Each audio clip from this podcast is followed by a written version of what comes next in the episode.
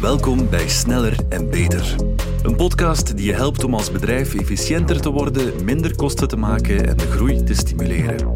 Elke aflevering verkennen we een ander aspect van procesoptimalisatie op het gebied van operations management, supply chain management, change management en zoveel meer. Kom met experts te weten wat procesoptimalisatie voor jouw organisatie kan betekenen. Ik ben Karel, vragensteller van dienst en vandaag hebben we het over change management. Ik heb hier twee mensen naast mij zitten. Eentje ken ik redelijk goed, een ander ken ik iets minder goed. Hubert en Sander Brochet, welkom. Sander, we gaan beginnen met jou. Stel jezelf eens eh, voor. Mijn naam is uh, Sander Brochet en ik werk voor eh, Nine Altitudes. Ondertussen een veertiental jaar. Ik ben gestart als technisch consultant, waar ik heel wat ERP-projecten heb meegeholpen opzetten. Daarna heb ik naar een SDM-rol geweest. SDM-rol is eigenlijk, nadat het project live is, gaan we een klantenportefeuille onderhouden. We gaan zorgen dat we de nieuwe noden capteren van de klanten. En we gaan ook zorgen dat ze mee zijn met de nieuwe technologie natuurlijk. En uh, daarna ben ik eigenlijk naar een leidinggevende rol geweest. Uh, intern heb ik uh, intern heel wat zaken gedaan. Onder meer het opzetten van het interne ERP-project. Een nieuw ERP-project waar ik change management voor de eerste keer heb toegepast. En daar is het zaadje eigenlijk gepland bij mij. Daar heb ik eigenlijk echt de hoesting gekregen om daar meer mee bezig te zijn. En uh, sindsdien uh, zijn we voornamelijk bezig op uh, externe projecten bij klanten, grote en kleinere projecten, waar ik change management toepas op onze projectmethodologie. Oké, dan hebben we Hubert van Hoe. Welkom. Dank u wel. Hoe moeten de luisteraars jou leren kennen? we gaan een poging doen. Ik uh, heb een vijftal jaar geleden na een carrière in het bedrijfsleven, dus met beide voeten in de modder, waar ik vandaag eigenlijk ook nog altijd in sta, uh-huh.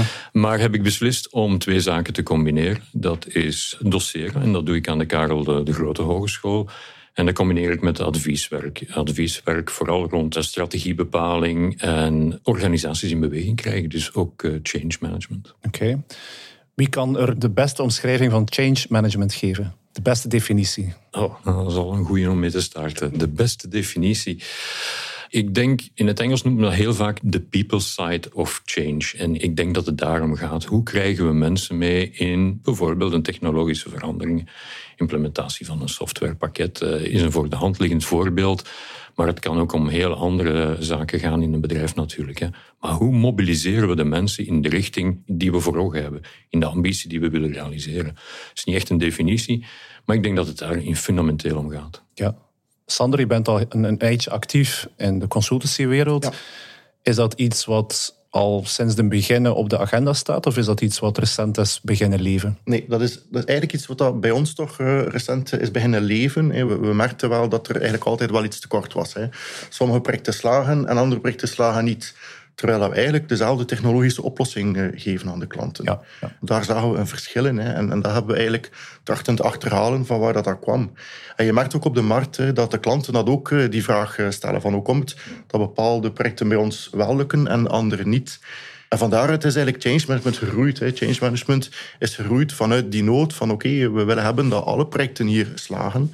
En change management, die methodologie, eh, is beginnen groeien. En zijn we natuurlijk eh, ja, die methodologie ook beginnen toepassen op onze projecten. En dan hebben we daar uiteraard, we zien daar een verschil in. We pakken de mensen mee op het verhaal. We zorgen dat ze betrokken zijn. We zorgen dat mensen zich ondersteund voelen in de verandering. En dat is eigenlijk wat dat belangrijk is om ervoor te zorgen dat die mensen ook effectief willen, de hoesting hebben hè, om met die verandering mee te gaan. Mm. Wat een zeer wijze beslissing is van een altitude, zoals ik dat mag onderstrepen. Want uiteindelijk, als de technologische oplossingen die je aanbiedt suboptimaal gebruikt worden, vroeg of laat straalt dat af op de reputatie van je bedrijf als implementator. Dus door te focussen op dat menselijk aspect en ervoor te zorgen dat mensen inderdaad met volle goesting in zo'n transformatie eh, stappen, ja, dat komt de, eh, de, de reputatie en, klanttevredenheid absoluut een goede. Ja. ja, want je kan nog de beste tools hebben als die niet goed gebruikt worden of niet op de juiste manier gebruikt worden. Dat is natuurlijk jammer. Voor wie is dit allemaal relevant, change management? Is dat iets wat vooral de moeite is voor mensen, voor leidinggevenden, dat zij daar tevreden in zijn, of gaat het verder dan dat? In feite, voor wie is het relevant? In feite eh, heb je verschillende rollen binnen change management, die, die een heel belangrijke part spelen van die verandering. En dat gaat dan voornamelijk over de sponsors. Dat gaat ook over de people managers, over de managers van de personen die effectief met die nieuwe tools gaan moeten werken. Dat zijn heel belangrijke personen in de verandering. Dus in feite is het voor de volledige organisatie. Het is niet beperkt tot we gaan hier een change manager zetten. Nee, het moet eigenlijk die competentie en die awareness, die weten van oké, we hebben dat hier nodig, dat is over de hele organisatie dat dat eh, zich moet spelen. Ja. Oké. Je hebt uiteraard de theorie, je hebt de praktijk. In hoeverre liggen die redelijk dicht bij elkaar? Je hebt de verhaal die je waarschijnlijk brengt naar een klant toe. Van oké, dit is ons plan, dit is wat we gaan doen. In hoeverre kan je dat plan dan gaan uitvoeren? In feite, als we vanuit de methodologie starten, hebben we inderdaad een, een, een plan, bepaalde templates, bepaalde manieren van zaken te meten. Hè. En dat gebruiken we uiteraard doorheen het volledige traject. We gaan proactief plannen gaan opstellen, communicatieplannen, heel belangrijk, goed communiceren, maar ook trainingsplannen, zorgen dat de mensen goed getraind worden, people managers plannen. Eh, al die verschillende plannen die worden opgemaakt. Maar het is belangrijk om doorheen het volledige traject goed te gaan zorgen dat die plannen uh, aangepast worden aan mhm. het project. En dat doen we door die metingen die mogelijk zijn via ADCARS, via andere assessments die dat we doen met het bedrijf. En door die metingen kunnen we ja, adaptieve acties gaan nemen binnen de plannen. Zodanig dat we uiteindelijk eindigen wat we willen eindigen, zijnde ja, een volledig succesvol project te hebben. Je haalt het daarnet ook aan, ADCAR. is iets dat denk ik al heel veel mensen hebben horen passeren. Dat zal waarschijnlijk een van de methodologieën zijn die jullie gebruiken. Inderdaad, dat is een keuze die gemaakt is om met de ProSci-methodologie te werken, waarin ADCAR een heel belangrijk eh, of een centraal concept is. Nu, in change management zijn er ontzettend veel methodologieën, dus je kan daar ook voor andere kiezen. Waarom hebben we deze gekozen? Omdat het eigenlijk fundamenteel uitgaat van een volgens ons gezond principe. Eh, een organisatie op zich verandert niet. Het zijn mensen binnen een organisatie die veranderen.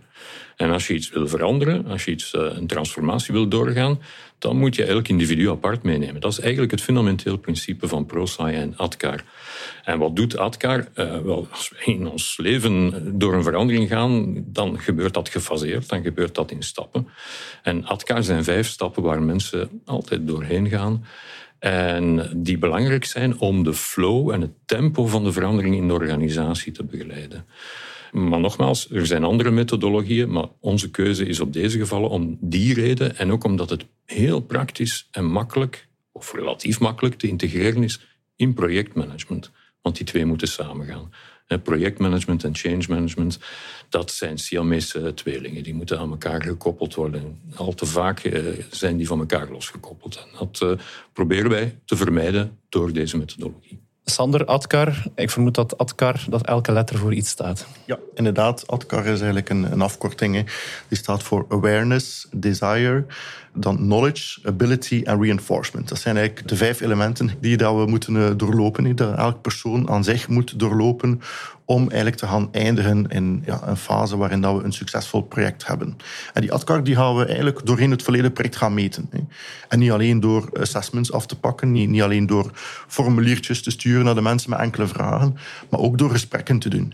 Wij gaan gesprekken gaan doen met die mensen, face-to-face, maar we gaan ook bijvoorbeeld hun leidinggevende gesprekken laten doen met die mensen. We trainen hun leidinggevende om die ADCAR-elementen te capteren, te detecteren bij hun mensen. Om te zien waar staat mijn team in de verandering. En heb ik daar uitschieters in dat team die bijvoorbeeld ja, extra informatie nodig hebben of extra training nodig hebben.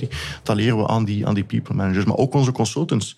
Onze consultants die hebben kennis over ADCAR en die moeten eigenlijk gaan melden als ze voelen van oké, eh, in, in, bepaalde workshops heb ik bepaalde mensen niet mee, bepaalde key users niet mee. Als we die niet mee hebben, dan zal het natuurlijk heel moeilijk zijn voor die key users om mensen te overtuigen van de, van de, van de sterkte van het product. Hè. Ja, dus het is niet enkel jullie die daar op getraind zijn. We hebben echt onze consultants daar ook in begeleid. Ja, onze en, consultants, die letten daar PM's, ook op. Ja, consultants, PM's, SDM's, die moeten daar allemaal een oog voor hebben. En, en die kunnen dat ook uiteraard gaan melden aan de change manager die actief is op dat project. Of naar de PM die actief is op dat project. En zodanig dat we die informatie hebben.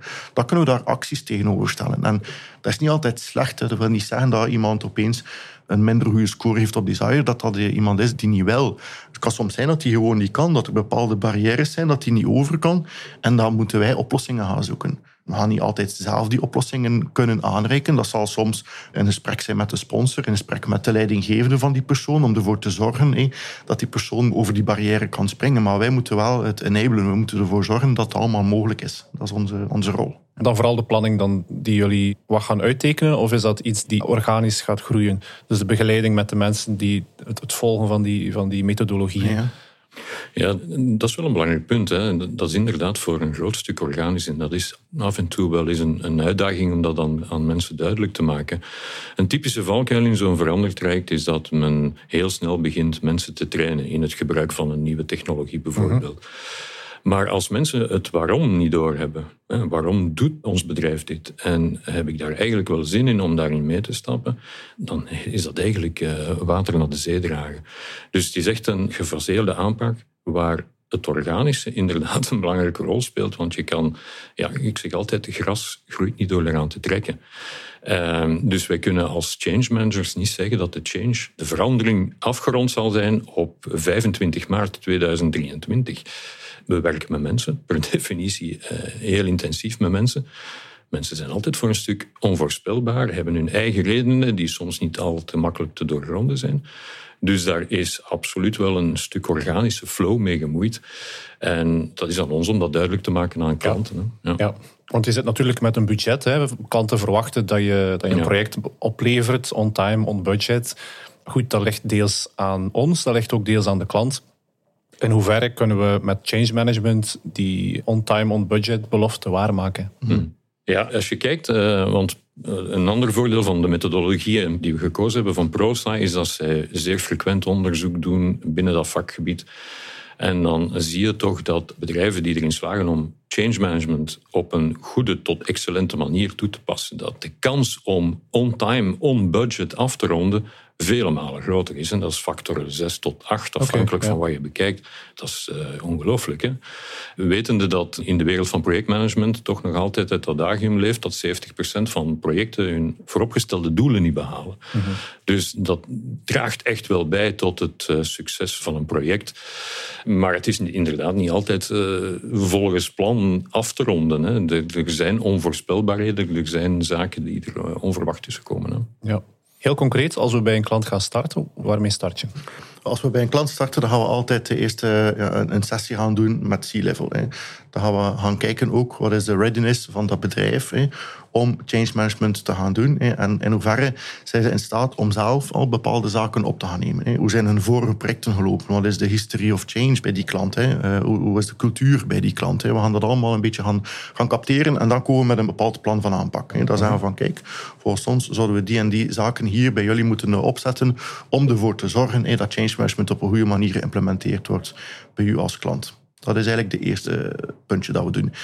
Eh, als tweede gaan we eigenlijk gaan kijken, oké, wat zijn de competenties en de capaciteiten intern om mee te helpen change management. Zoals ik daar juist zei, is niet enkel een change manager die daarvoor zal zorgen. Die heeft een team nodig, een coalitie nodig, hè, die, die daarop aan werkt. En bij sommige klanten is het zo dat er intern een change practitioner of twee change practitioners worden uh, ja, uh, getraind om ervoor te zorgen dat al die zaken worden opgeleverd. Hè. Want we zitten met oplevering. Het is niet zo dat we zeggen change management is gewoon een, een, een methodologie. Nee, we hebben ook deliverables. We hebben zaken die dat we opvolgen.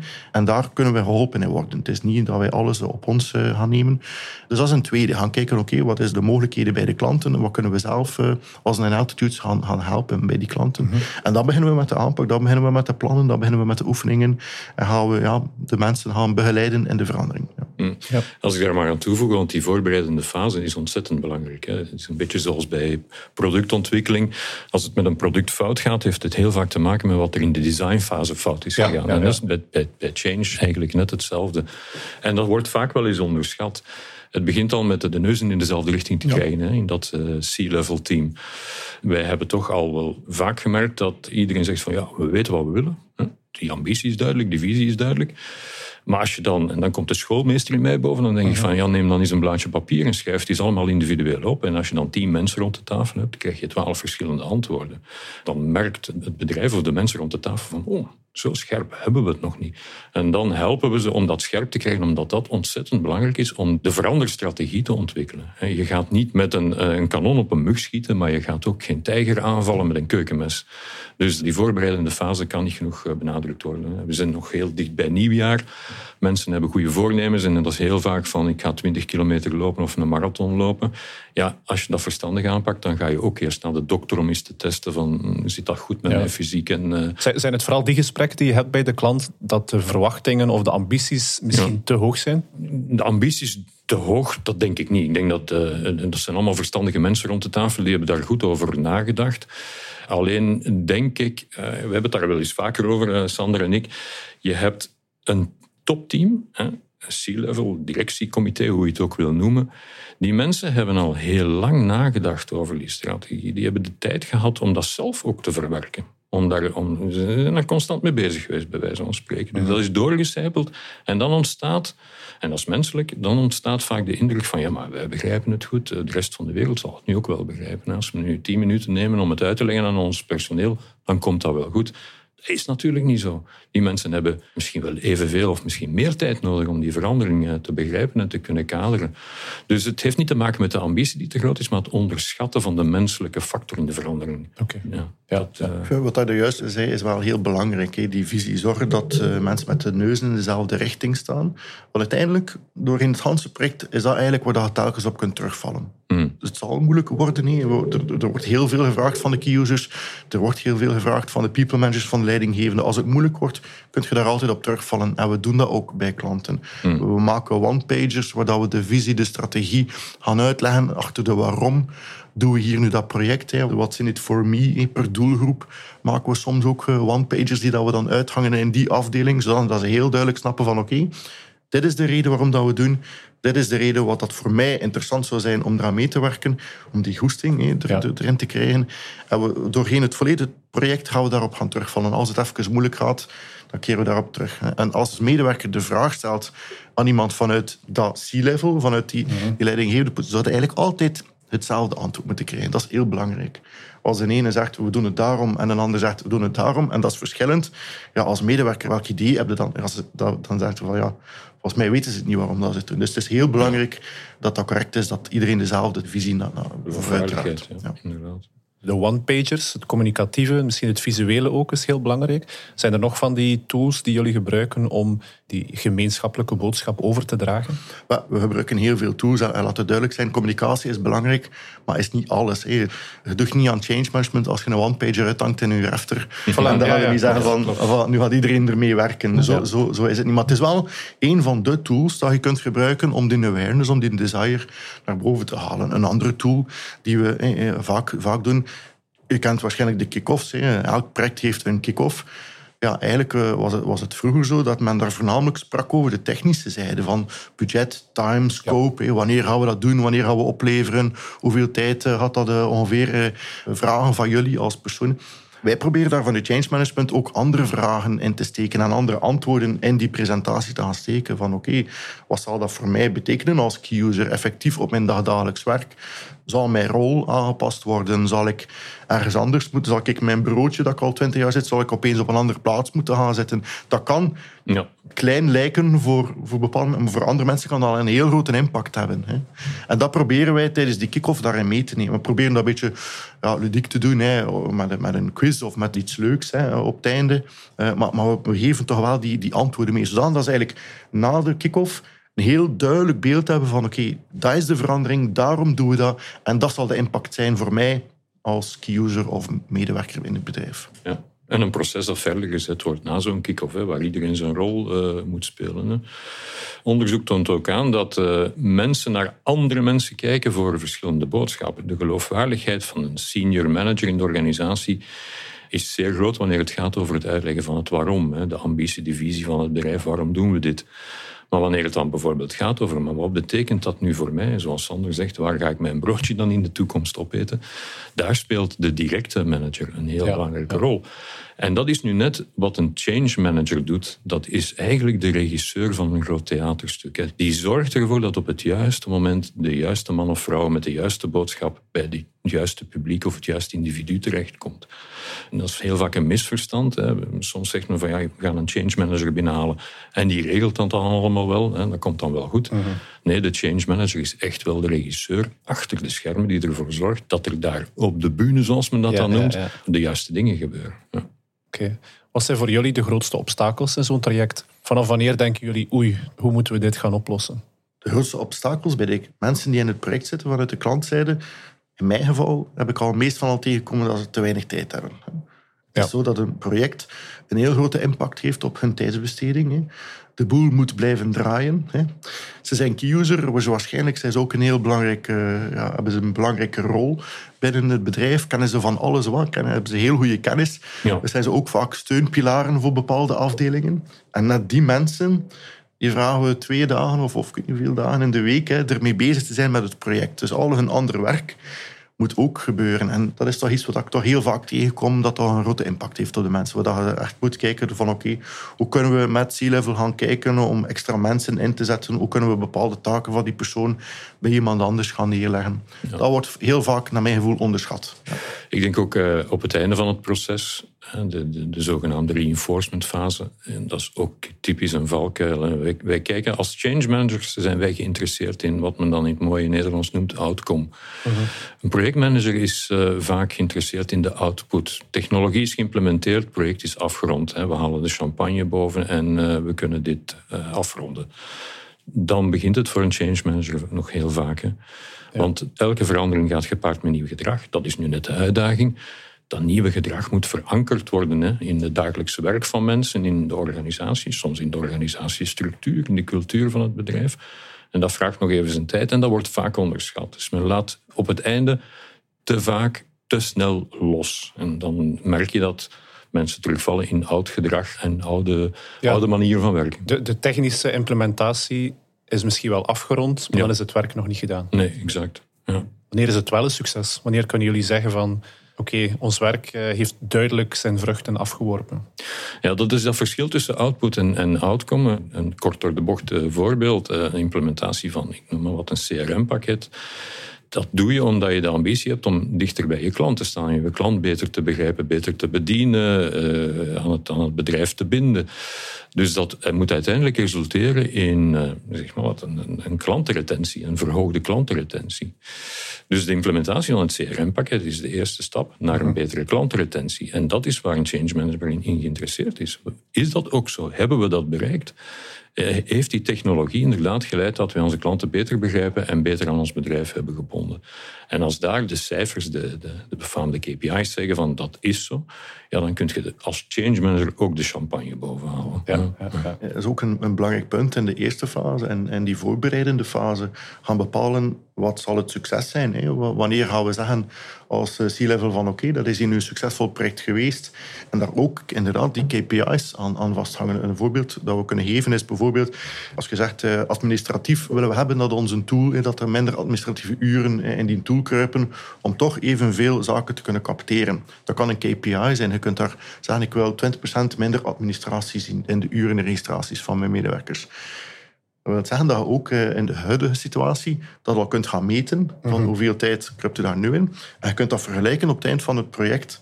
En dan kunnen zien, hebben we dan eigenlijk behaald? Hebben we nu die 20% gehaald, al dan niet? Hè? Ja, ja. En op die manier trachten we hè, toch eh, ja, met, met, cijfer ook, eh, met cijfers ook, Ja, ja, ook succes te bereiken. vooraf een bepaalde baseline op te stellen en dan, dan achteraf diezelfde meting te gaan doen en zien waar de verschillen zitten. Ja, Ja. Ja. Ja, inderdaad. ja dat, zo concreet is het. Hè. Dat, dat, dat is wel een, een belangrijk punt, want heel vaak wordt eh, change management, en daar zorgen al te vaak de change manager zelf voor, hè, wordt gezien als, als wat wollig, als weinig concreet of te weinig concreet. Ja, niks is minder waar. Hè. Wij moeten ook eh, op harde feiten en, en cijfers kunnen sturen. Hè. Dat, eh, ja. Het, het kan ook soms aanvullend zijn om ervoor te zorgen dat mensen ermee blijven werken. Hè. Soms als ze met een nieuwe tool werken, eh, hebben de mensen van, oh, ziet, en, en het werkt niet goed, hè, en, en het is toch niet, niet, niet wat we verwacht hadden. En als we dan het cijfermateriaal erbij leggen, dan zien we dat ze eigenlijk wel veel minder administratie doen dan dat ze Mhm. vroeger deden. En als je dat dan doet, dan verschieten ze daar soms van. En zeggen ze, ah ja, oei, dat is eigenlijk, het is eigenlijk, wel, het is eigenlijk wel goed, dat, dat, dat product hier. Mhm. Ja. Dus we, we kunnen het op verschillende manieren gebruiken. Vandaar opnieuw, ja, die voorbereiding is, is uiterst belangrijk eh, om dat goed te doen. Ja, Ja, om daar goed over na te denken. Ja. Sinds dat wij begonnen zijn met het echt gaan aanbieden van change management, zeg maar, bij Nine Altitudes, hoe hard zie je de verschillen met vroeger? We zien de verschillen dat er eh, ten eerste dat, eh, veel meer mensen betrokken worden in het project. Eh, eh, vroeger, projecten was voornamelijk, had de sponsor, een projectmanager vanuit de klantzijde en had de, key users, die, die worden betrokken in de, in de workshops. En nu merkte dat er veel meer mensen daarin betrokken worden. Die, die leidinggevenden, die een heel belangrijke functie hebben in, in change management, en die worden ook op regelmatige basis in gesprekken meegenomen, ook op workshops meegenomen, ook op eh, ja, soms een keer eh, hier en daar een stuurgroep eh, om een keer iets uit te leggen. Dus je merkt dat er meer en meer stakeholders ook betrokken worden in het project, wat dan uiteraard ervoor zorgt dat als mensen zich betrokken voelen, gaan ze ook een soort van ja, ownership eh, op zich nemen en gaan ze ook ja. willen hebben dat dat een goed resultaat eh, geeft. Hè. Dus eh, dat is wat je toch wel een groot verschil ziet ten opzichte van vroeger. Ja. Nog zaken die jullie willen aanhalen rond eh, change management? Zaken waar we het nog niet over gehad hebben? Als ik mag, ik, ik zou nog eens willen benadrukken dat dit wellicht het enige duurzame competitieve voordeel van bedrijven is en zeker gaat worden. Ik denk, bedrijven zetten in op de juiste strategie en innovatie en dat moeten we vooral blijven doen. Ja. Maar laat ons eerlijk wezen, we leven in een wereld waarin een product of een dienst twee dagen na lancering gekopieerd is door je concurrent.